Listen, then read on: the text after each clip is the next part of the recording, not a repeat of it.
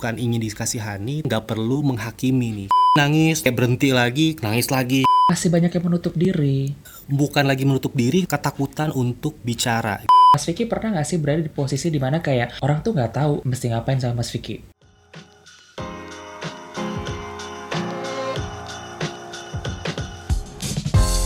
Hi, you're listening to Get Real with Ryan, a podcast that inspires people to show the real side of them with the purpose of sharing valuable knowledge and also learning from each other's life experiences as a lesson and a process to us. My name is Ryan, and let's get real.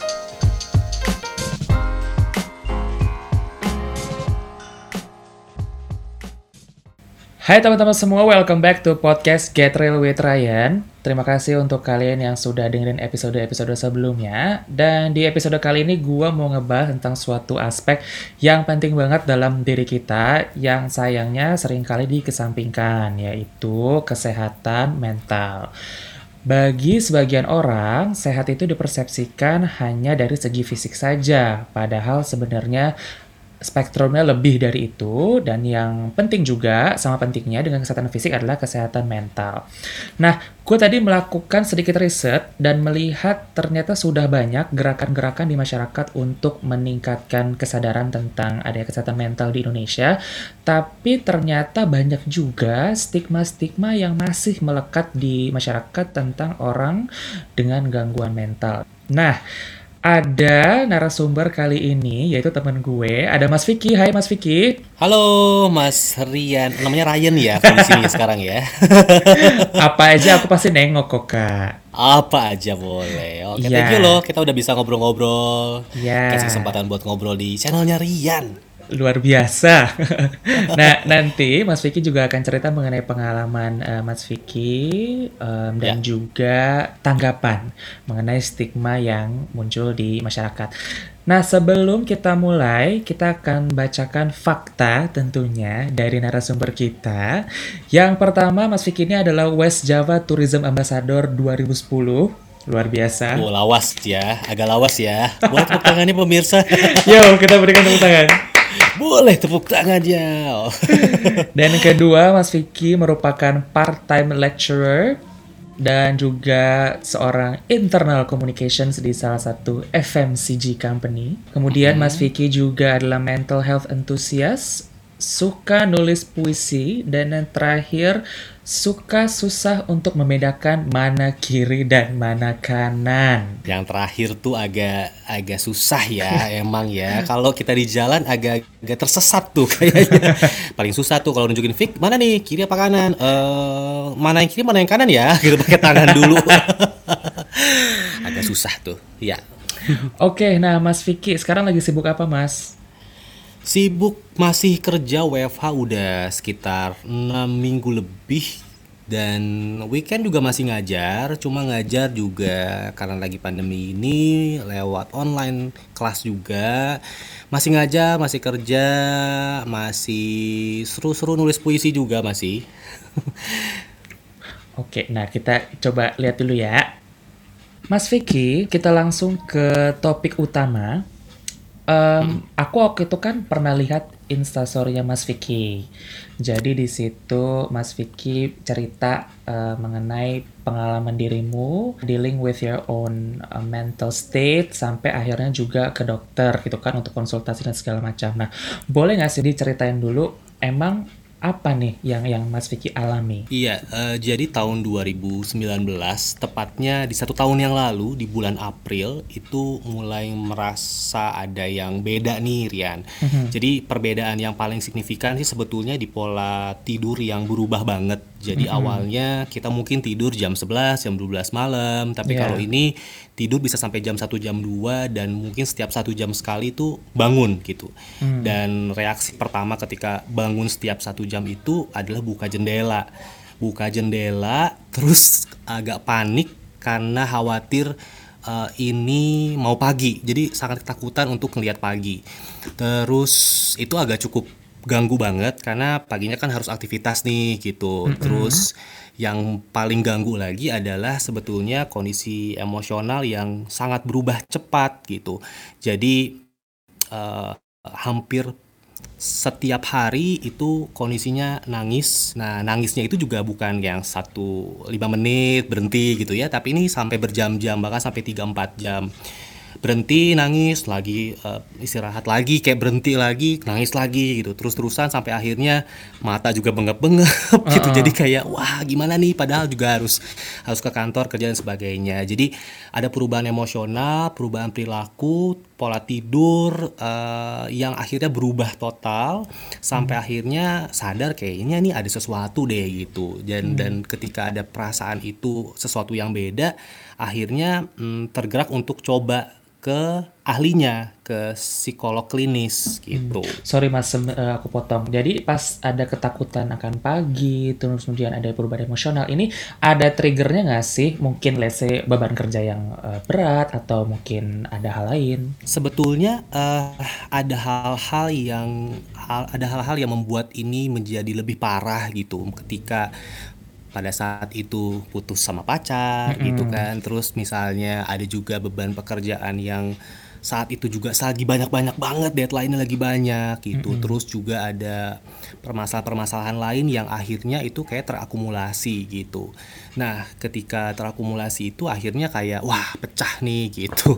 Sampai hmm. akhirnya um, ya cari tadi pertolongan gitu. Awalnya ketika dirimu merasakan adanya perubahan emosional itu, pasti kan nggak langsung ke dokter tuh. Pasti ada hmm. masa di mana kayak periode oh mungkin ini hanya sebatas kecemasan biasa. Itu hmm berapa lama mas periodenya dari dirimu uh, mengalami itu sampai ke dokter decided akhirnya? Ya, jadi mulai April itu ngerasain banyak symptoms yang aneh-aneh itu jadi bulan Mei. Mei itu sekitar satu bulan setelahnya itu berani tuh mulai oke okay deh gue harus pergi ke psikolog klinis. Hmm. Awalnya ke psikolog klinis dulu, nggak ke psikiater.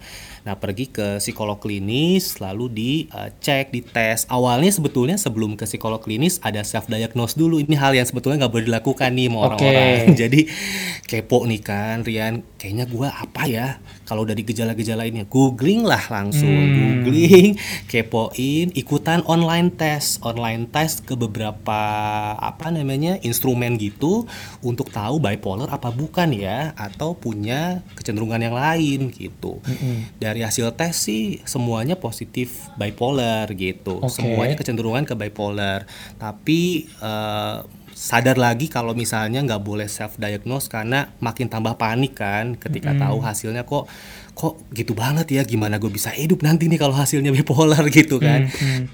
Akhirnya ya udah ke psikolog klinis dan mulai ngobrol-ngobrol uh, ada assessment gitu uh, dan akhirnya sampai tahu kita punya saya punya gangguan kecemasan gitu. Ada nggak sih mas selama kejadian perubahan emosional itu badan juga jadi sakit gitu ada nggak? Iya jadi beberapa kali itu ada gangguan-gangguan psikosomatis. Jadi uh, kenapa akhirnya juga memutuskan untuk pergi ke psikiater ke dokter jiwa karena memang ada gangguan-gangguan psikosomatis. Nah ada gangguan-gangguan kayak misalnya oh kok lebih uh, kayak pundak agak berat, sering pusing kepala, hmm. terus juga pernah ketika bangun itu ngerasain gak bisa bangun karena dada sakit banget gitu. Hmm. Jadi kayak yang panik karena nafas juga jadi lebih pendek gitu, terus keringetan, hmm. uh, otot semua tegang. Jadi hal-hal kayak gitu yang akhirnya dirasain secara fisik dan itu sebetulnya gejala-gejala gangguan panik kan eh, waktu itu pas ngelihat profilnya dokter ini memang spesifik nih menangani kasus-kasus psikosomatis gitu.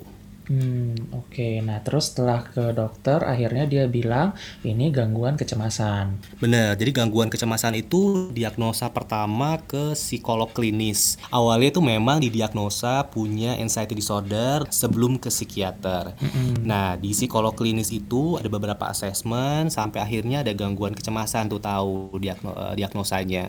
Tapi habis dari situ ternyata ada hal-hal yang di luar kontrol nih, misalnya mengganggu aktivitas karena nggak bisa bisa kerja karena nggak konsentrasi. Terus juga gangguan makan juga. Terus juga tadi um, emosional yang nggak bisa terkontrol mengganggu aktivitas sehari-hari akhirnya memberanikan diri untuk juga direkomendasikan pergi ke psikiater ke dokter ahli jiwa gitu. Nah hmm. dari sana juga memang hmm, diagnosanya sama jadi punya gangguan kecemasan Uh, dan tambah lagi juga uh, ketika datang lagi cari second opinion juga ke karena masih agak sedikit denial nih awal-awal nih Rian. Jadi ngerasa bahwa kayaknya baik-baik aja deh gue kayaknya gue sehat-sehat aja deh gitu. Cuma nih apa yang salah ya gitu. Akhirnya second cari second opinion juga ke psikolog klinis yang lain. Dan di sana ternyata uh, dites lagi nih dengan metode yang beda. Dan akhirnya tahu nih sebabnya apa gitu.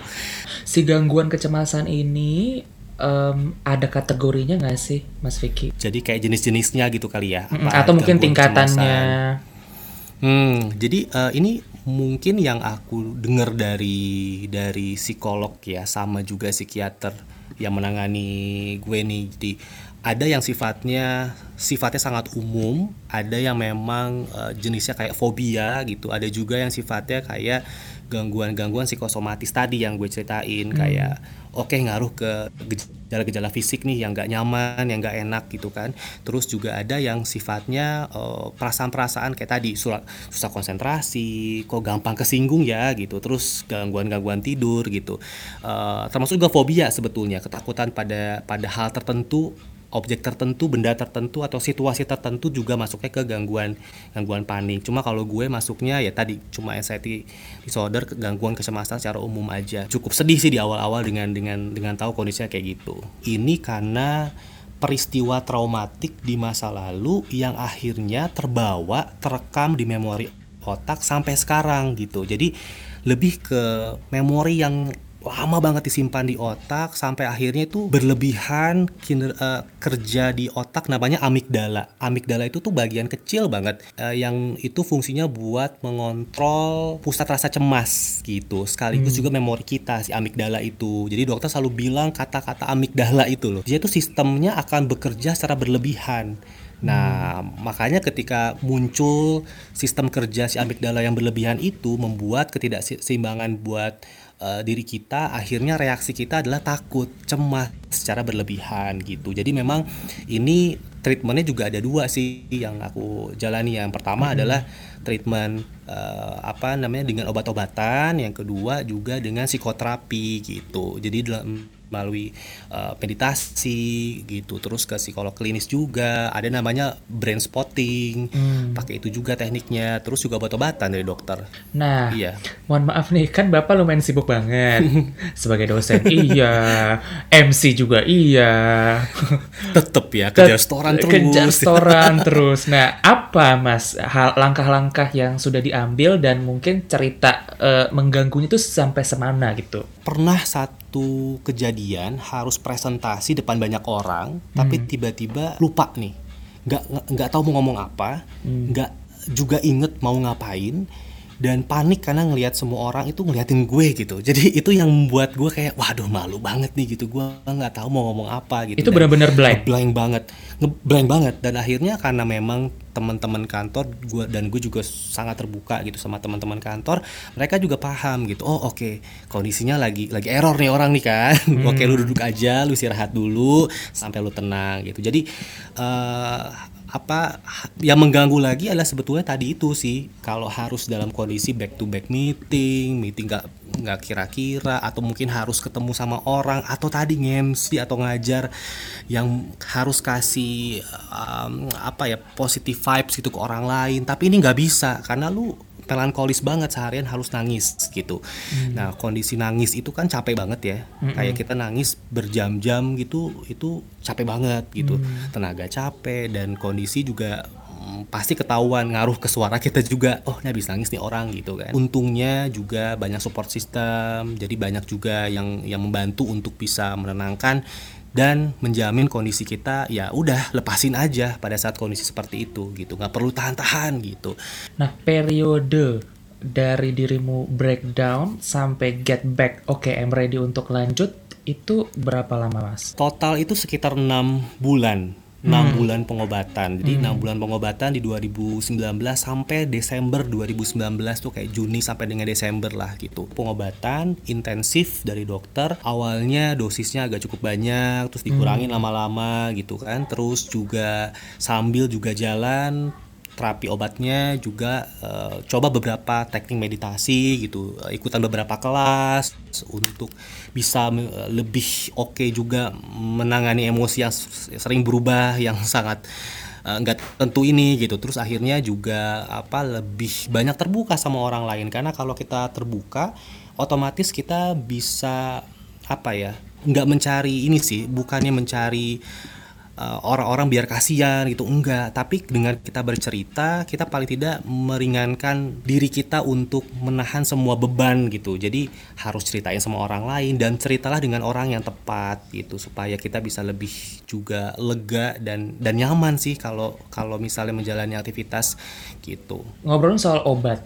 Obat apa yang dikasih mas obat tuh macam-macam jadi ada namanya kayak Brintelix, ada Afram, mungkin istilah-istilah yang yang cukup common buat orang-orang yang punya gangguan yang sama gitu. Jadi mm-hmm. obat-obat yang bisa membuat gue bisa tetap fokus dan semangat buat beraktivitas paling tidak moodnya bisa dikontrol gitu. Terus kemudian juga gue merasa ketika obat itu ada energi-energi yang negatif yang yang kepikiran selalu sedih itu jadi hilang tuh. Uh, dengan obat itu membuat gue sangat terbantu untuk bisa bisa mengontrol sih moodnya seperti apa perasaan seperti apa gitu. Jadi bisa hmm. lebih terkontrol semuanya. Sistem medicationnya berlanjut continue gitu atau ketika lagi mengalami hal tersebut jadi selama enam bulan itu harus selalu karena memang gejalanya terus muncul nih hmm.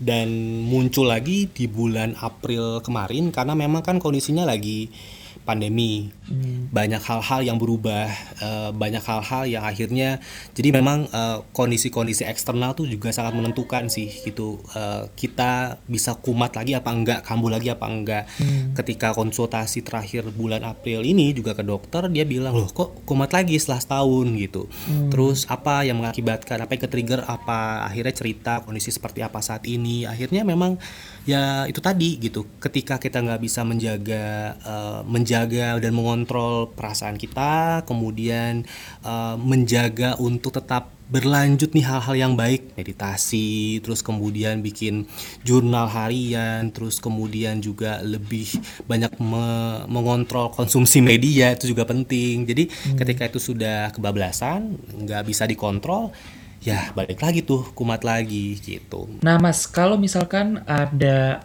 um, orang dengan kecenderungan kecemasan gitu ya, apakah hmm. dia harus selalu ke dokter atau sebenarnya meditasi atau yoga gitu udah udah udah bisa uh, mendingan? Uh, ini kalau pengalamanku sih harus holistik ya penanganannya, jadi harus keseluruhan gitu.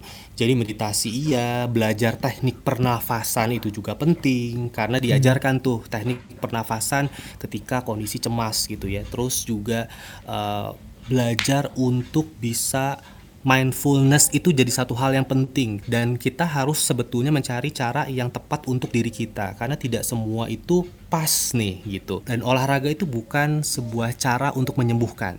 Hmm. itu hanya mengalihkan untuk kasus tertentu harus ditunjang dengan obat-obatan. Nah, tadi gangguannya sebetulnya juga ada di amigdala tadi, hmm. di uh, apa namanya pusat rasa cemas kita. Jadi itu yang harus dibetulin dulu gitu karena uh, ketidakseimbangan di otak kita tadi itu di amigdala itu akhirnya membuat kita harus terapi obat-obatan juga. Hmm. Nah, terapi obat-obatan itu juga harus ditunjang sama psikoterapi dari psikolog. Itu yang dua-duanya harus jalan bareng sih Rian dan harus niat dari diri sendiri juga untuk untuk bisa sembuh dan terbuka sih Rian untuk bisa mempercepat prosesnya. Ngomongin soal terbuka, kan Mas Vicky memang orangnya kan lumayan uh, outspoken lah ya ngomong ke orang apa yang terjadi. Tapi kayaknya nih Mas yang aku lihat di lapangan dan juga aku sempat agak uh, sedikit research masih banyak yang menutup diri. Iya, bukan lagi menutup diri tapi ini benar-benar ketakutan untuk bicara gitu. Mau speak up tuh nggak berani. Kenapa? Karena eh, orang-orang uh, itu masih ada stigma gitu. Ada stigma yang melekat untuk orang uh, dengan uh, kejiwaan yang terganggu bahkan dari orang-orang yang terdekat gitu hmm. dari sahabat dari keluarga nah uh, karena stigma itu juga karena orang-orang itu berpikir penyakit fisik jauh lebih penting dibandingkan dengan penyakit mental itu juga hal yang salah gitu hmm. itu hal yang masih keliru jadi kalau kita misalnya Rian sakit pinggang misalnya kan karena keseringan WFH ini sekarang udah lama gitu sakit pinggang kayaknya bangga gitu kalau orang ngepost ih gila mulai sakit pinggang mulai back pain apa segala macam tapi kalau misalnya sakit gangguan mental misalnya itu orang-orang nggak mau cerita. Kenapa? Karena kita berada pada lingkungan yang belum inklusif. Kita masih berada pada lingkungan yang masih banyak stigma. Nah itu yang kemudian harus kita dobrak, yang harus kita coba uh, tingkatkan awareness orang-orang di sekitar kita dengan cara apa? Dengan cara kita speak up, dengan hmm. cara kita ngomong, dengan cara kita uh, ceritakan sebetulnya mereka juga orang normal orang yang juga bisa beraktivitas, berinteraksi dengan orang-orang lain, cuma kelebihannya ini yang akhirnya harus sedikit lebih dipahami sama orang lain dan diterima karena itu yang mungkin nggak ada uh, belum ada sampai saat ini walaupun sebetulnya kesadarannya kalau dilihat-lihat sudah mulai banyak kok orang yang melakukan program atau advokasi gitu ya. Mm-hmm. Banyak banget di sosial media, di Instagram yang platform untuk bisa memberikan awareness lebih baik gitu. Bahkan di kampus-kampus pun banyak sekarang. Tapi ya itu tadi gitu, orang masih satu ketakutan kalau berinteraksi dengan orang-orang hmm. yang punya gangguan mental, terus juga ketidaktahuan untuk cara menangani mereka di saat hmm. mereka kondisinya lagi krisis atau lagi kambuh nih. Nah, itu yang yang paling penting harus kita edukasi terus sih, Rian. Tadi kan Mas Vicky bilang, at least seenggaknya orang tuh mengerti dengan uh, kondisi kita. Nah, Mas Vicky pernah nggak sih berada di posisi di mana kayak orang tuh nggak tahu mesti ngapain sama Mas Vicky? Pernah, pernah banget dan itu uh, dan itu dari dari lingkungan paling dekat gitu.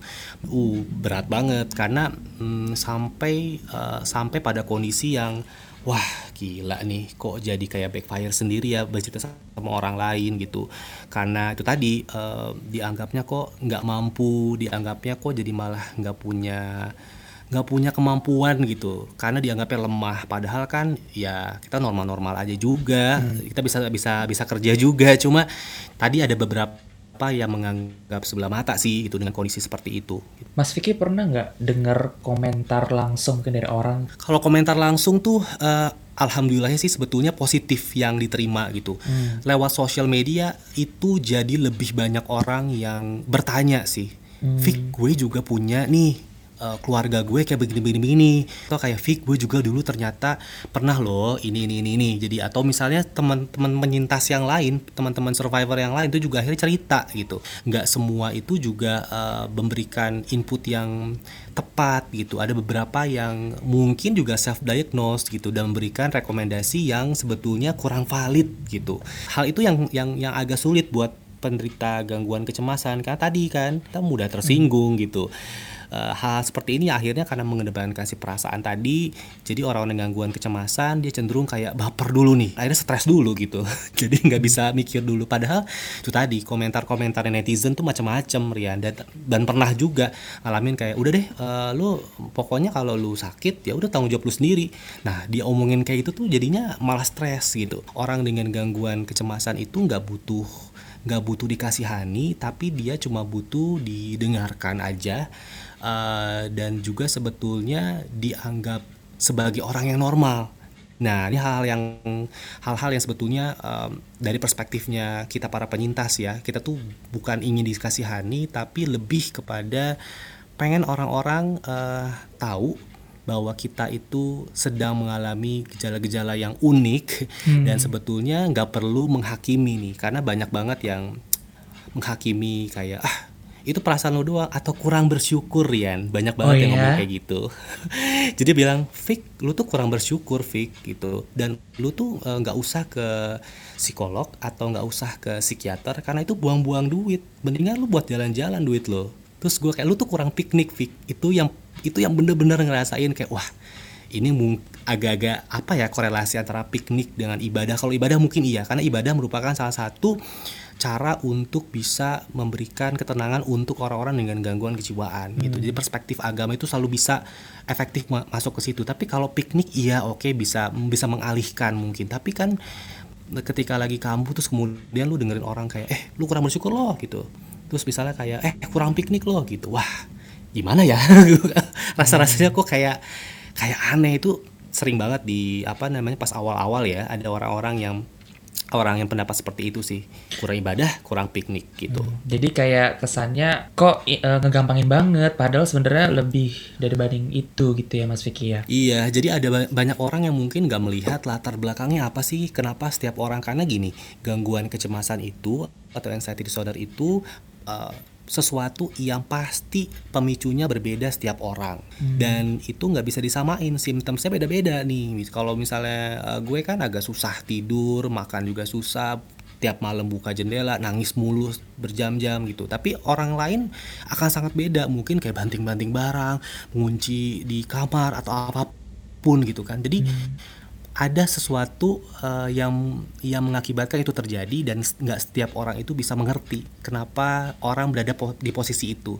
Di proses empati itu juga eh, apa namanya harus harus coba kita belajar untuk berempati dan orang lain juga mencoba untuk untuk memberikan empatinya gitu menunjukkan rasa empatinya pada orang lain khususnya untuk eh, orang-orang orang-orang dengan gangguan eh, mental gitu. Itu yang yang agak sedih sih saat ini masih banyak kejadian kayak gitu Nah, itu kuncinya keluar tadi teman-teman, empati.